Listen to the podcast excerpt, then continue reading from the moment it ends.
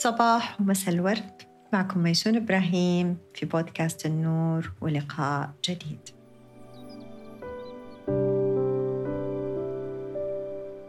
آه كنت بالصف الأول ابتدائي لما بابا اشترى لي آه كتاب عن عجائب العالم السبعة. وكان بالنسبة لي يعني زي كأنه الكنز اللي لقيته. إني أنا تعرفت على أشياء عجائب في العالم. وهي بس سبعة وبدأت أقرأ وأقرأ وأقرأ. كان كتاب صامطوطة على قد طفلة بالصف الأولى. وعدني إنه واحدة من العجائب السبعة حنروح نزورها. وبالفعل بالصف تقريبا الثالث الابتدائي بإجازة الصيف وإحنا طالعين آه على إجازتنا السنوية رحنا لوحدة من العجائب السبعة. وزرنا منطقة الجيزة في محافظة الجيزة على الضفة الغربية لنهر النيل. وشفت هناك أهرام الجيزة في أم الدنيا.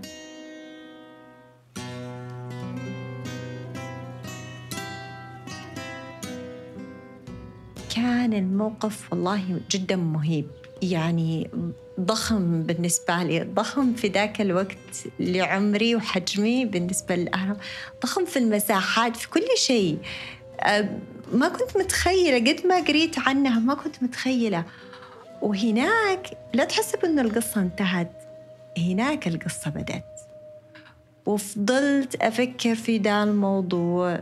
إلين حقيقي ما حكذب عليكم إلين قبل كم شهر. وأنا بأقرأ من فترة للتانية كيف انبنت كيف جابوا الحجار كيف قدروا يسووها وا وا وا وا ما إلى ذلك من أسئلة. الشيء العجيب أني أخيرا اقتنعت أنه اللي سواها بشر وأنها أخذت منهم أكثر من عشرين سنة.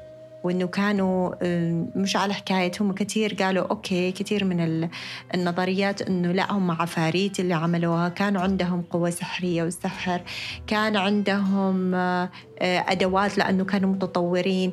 مع إنه هي صارت 25 قرن قبل الميلاد.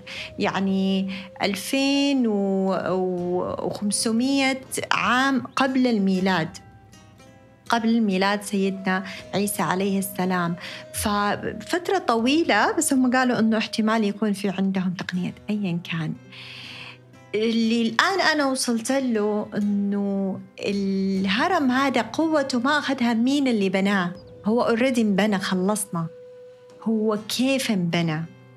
فاستخدموا فيه أكثر من خامة أكثر من مادة. هذا واحد من أسباب قوته اللي هو آه، مثلا زي الحجر الجيري الجرانيت الوردي البازلت والطوب الطيني وغيره وغيره. أنا ما أعرف كثير في دي المواد.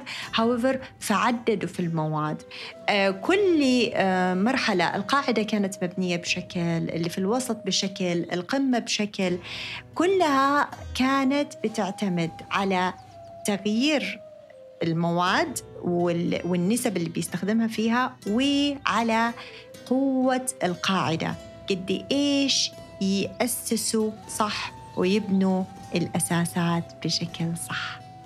ولسه لليوم موجودة هالعجيبة الغريبة من حتى المهندسين يقفوا عندها آه، بيفكروا إنه استمراريتها لليوم وثباتها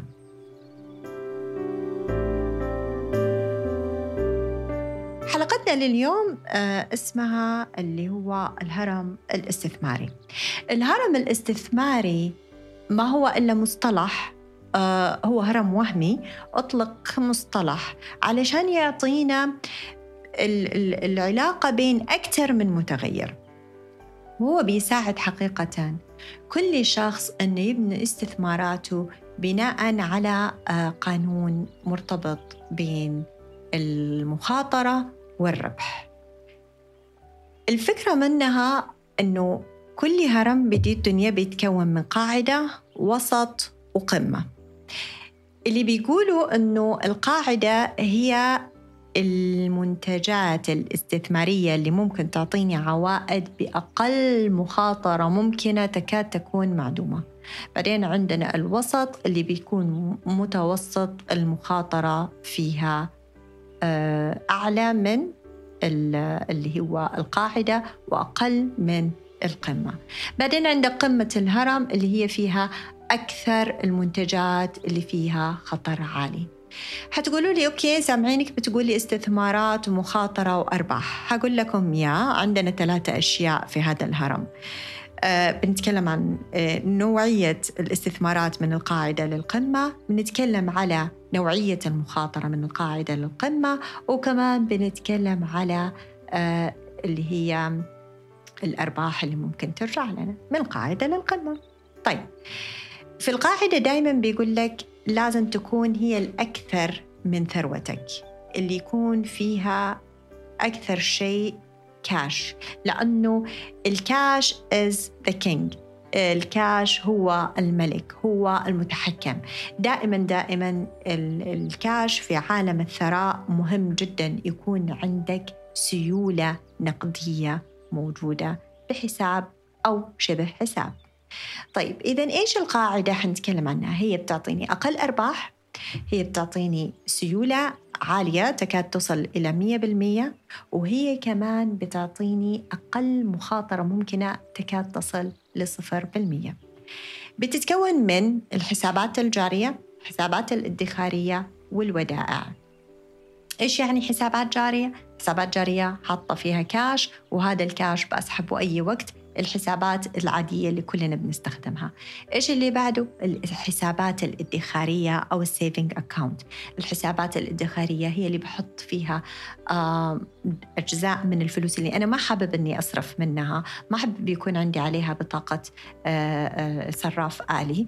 وفي نفس الوقت بتعطيني عوائد جدا بسيطة. تكاد تكون 0.0 something. يعني بالأخير حنقول المليون ممكن يعطيني يعني 100 ريال أو أقل. فالفكرة أنه هي عوائدها جدا جدا قليلة. آه، بعدين تيجي الوديعة. الوديعة بتعتمد على حسب البنك اللي أنا حاطط فلوسي فيه. الوديعة هي مبلغ بينربط لفترة محددة مسبقا. أنا بقررها شهر شهرين ثلاثة شهور أو ستة شهور أو سنة أو حتى سنتين. بنتفق عليها مبدئيا. وعادة في نوعين من الودائع. النوع اللي هو لا يتم تحديد فيه الأرباح من البداية. وأرباحك بتاخذها في نهاية الفترة على حسب كيف كان أداء الوديعة. الوديعة هي مبلغ بيدخل مع الجهة اللي أنت مودع فيها هم بيشاركوك بأرباح قليلة من هذه الوديعة لأنه هذه السيولة بيستخدموها في الفترة اللي أنت رابطها فيها. هي هذه الحقيقة. آه بعدين في بعض الودائع لا يتم تحديد الأرباح مسبقا. غالبا الأرباح ممكن تصل حتى تستغربوا بعض الودائع وصلت إلينا 20 و 25% ولكن دائما دائما هنا بن بنفكر شوية. أوكي انت قلتي إنه الأرباح قليلة جدا والمخاطرة قليلة جدا. أيوه لما نوصل ل 20 25% حتصير فيها مخاطرة. ليش؟ حشرح لكم لاحقا. هذه أصلا حالة استثنائية. خلينا نتكلم عن الحالة العامة. الحالة العامة اذا هي حسابات وودائع في قاعدة الهرم واللي مفروض تكون عندي بشكل كبير لأنه السيولة أهم شيء بحياة كل فرد سواء كان ثري أو غير ثري. طيب تعالوا ننتقل للي بعده. اللي بعده بنبدأ في حاجة اسمها محافظ استثمارية. المحافظ الاستثمارية هي تشكيلة من المنتجات الاستثمارية في بتضمها محفظة واحدة. وهذا الهدف منها أنه برضو يعطوك نوع من أنواع الأرباح مع تقليل المخاطرة. آه، المحافظ في الدخل بتعتمد على حاجتين فيها في واحدة من المحافظ بتعطيك دخل وواحدة من المحافظ بنسميها دخل تراكمي. يعني الدخل بيرجع مرة تانية على رأس المال وبيتم استثماره. والمحافظ في منها بفترات معينة في منها جدا مرنة ممكن تطلع منها أي وقت في منها عليها شروط للخروج منها. فهذه كلها كمان بتضيف إلى المخاطرة من عدمها لما أدخل في محافظة استثمارية. المحافظة الاستثمارية أهم شيء ممكن أفهمه أنه هي بتشتغل في إيش؟ بتشتغل في الودائع ولا بتشتغل في الأسهم ولا بتشتغل في أوراق مالية مختلفة؟ لازم أعرف هذه المحافظ بتشتغل إيش. لأنه الحاجة اللي بتشتغل فيها حتضيف للمخاطرة حقتها أو حتقلل من المخاطرة حقتها. فلما أكون أنا محفظة بشتغل في آه، أسهم أو عقارات أو بترول أو ذهب ايا كان هذا هو ال ال الشيء اللي أنا بشتغل فيه هو اللي بيعطيني تأثير المخاطره على هذا الجزء من الهرم. آه هذه المرحلة الثانية اللي هي نص الوسط بعدين النص الثاني من الوسط بتكون حاجة بنسميها الأوراق المالية اللي هي إما الصكوك الإسلامية أو بيسموها البونز وهي سندات مالية آه، بتطلعها شركات معينة. بدل ما تروح تاخذ هذه الشركات تمويلات من البنوك بتقرر أن تطلع هذه السندات المالية مقابل أنها تعطي أرباح ثابتة كل ستة شهور لحملة الصك أو السند المالي. فيها تفاصيل كثير. طبعا كل اللي أنا بقوله اليوم أنا بعطيكم بس الزبدة. اللي حابب ياخذ تفاصيل أكثر عن أي حاجة من اللي بقولها لو سمحتوا من فضلكم تقدروا تشاركوني بأسئلتكم على الإنستغرام أو آه على إيميلاتي. بالطريقة اللي يناسبكم تقدروا تاخذوا كمان معايا آه session مجاني لأنه أنا دائما بعمل جلسة مجانية في البداية عشان نناقش الموضوع الرئيسي اللي أنت حابب بعدين تاخذ عليه coaching فأنا موجودة كمستشار مالي وكوتش في المالية آه، مدرب شخصي في الأمور المالية. أرجع أكمل لكم آه، النص الثاني إذا تكلمنا عنه الأوراق المالية. هنا بيبدأ في نوع جميل من الربح مع في نوع من الضمانات اللي بيضمنها الجهة المصدرة لهذه الصكوك. المرحلة اللي بعدها اللي هي كانت زمان العقارات والأسهم. حاليا بدأت صارت حتى القمة فيها مرحلتين العقارات والأسهم وأكثر مخاطرة اللي هي العملات الرقمية البيتكوينز وخلافه لما نفكر إحنا بهذا التسلسل كل ما طلعنا فوق حيزيد أرباحنا من هذه المنتجات وحتزيد مخاطرتنا. إيش أنواع المخاطرة؟ المخاطرات مش بس إني أخسر فلوسي، هذا واحد نوع من أنواع الخطر اللي ممكن إني أنا لما بستثمر أموالي يواجهني إني أخسر جزء من المبلغ أو أخسر المبلغ. هذا بس نوع واحد. في النوع الثاني إنه أنا مبالغي تصير عالقة في المنتج هذا. زي إيش؟ حجيب لكم مثال بسيط. زي مثلا لو أنا بستثمر ليش العقارات حتقولوا لي محطوطة في قمة الهرم من الأشياء الخطرة علينا؟ لأنه العقار في أكثر من عامل متغير. أول شيء فيه كخطورة أنه أنا ما أقدر أحوله لسيولة بشكل سريع. لأنه أرجع مرة تانية أقول أن السيولة هي أهم عنصر في حياة المستثمر. وحياة الإنسان الثري. فبالتالي لما أحط فلوسي في عقارات لا يمكن تحويلها بشكل سريع لسيولة أنا كده بأجمد هذه المبالغ.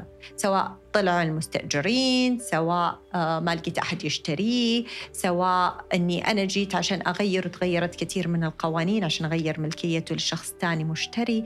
فبالتالي هنا أنه يعلق حق المال في منتج معين هذه مخاطرة كبيرة جدا. تشبه إني خسرت فلوسي.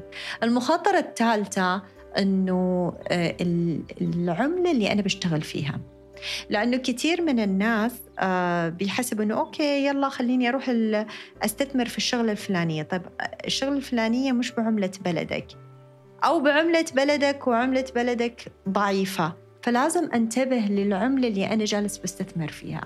أكثر الاستثمارات يعني اللي بيتكلموا عنها أنها قوية الاستثمار بالدولار. آه، بس في ناس كتير بيستثمروا بعملات مختلفة لكن هنا باخذ أنا مخاطرة العملة حقت البلد اللي أنا قررت أستثمر فيها. الحاجة الثانية الجهة اللي أنا بستثمر معها لأنه مش كل الاستثمارات اللي تكلمت عنها أنت تقدر تروح تشتريها مباشرة. يعني خذ لك مثال اللي هي المحافظ. أو بلاش أقول المحافظ خليني أكون أكثر دقة السندات المالية والصكوك. أنت ما تقدر تروح تشتريها بنفسك. لازم تشتريها عن طريق وسيط مالي. هنا راح تاخذ مخاطرة الوسيط المالي وراح تاخذ مخاطرة الجهة أو الشركة اللي صدرت أصلا هذه الأوراق المالية. فبالتالي هنا صار في أكثر من مخاطرة موجودة بالهرم الاستثماري. إذا التنويع والتوزيع والموازنة في مبدأ إنه القاعدة للهرم هي اللي لازم تكون أقوى.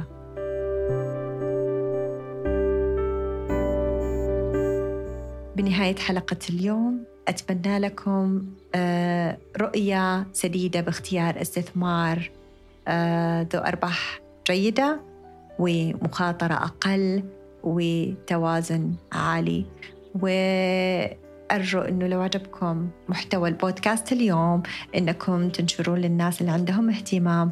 وأرجع مرة تانية أرحب بكل مشاركاتكم تعليقاتكم وأسئلتكم. سعيدة جدا ممتنة لوجودكم معايا. دمتم بود.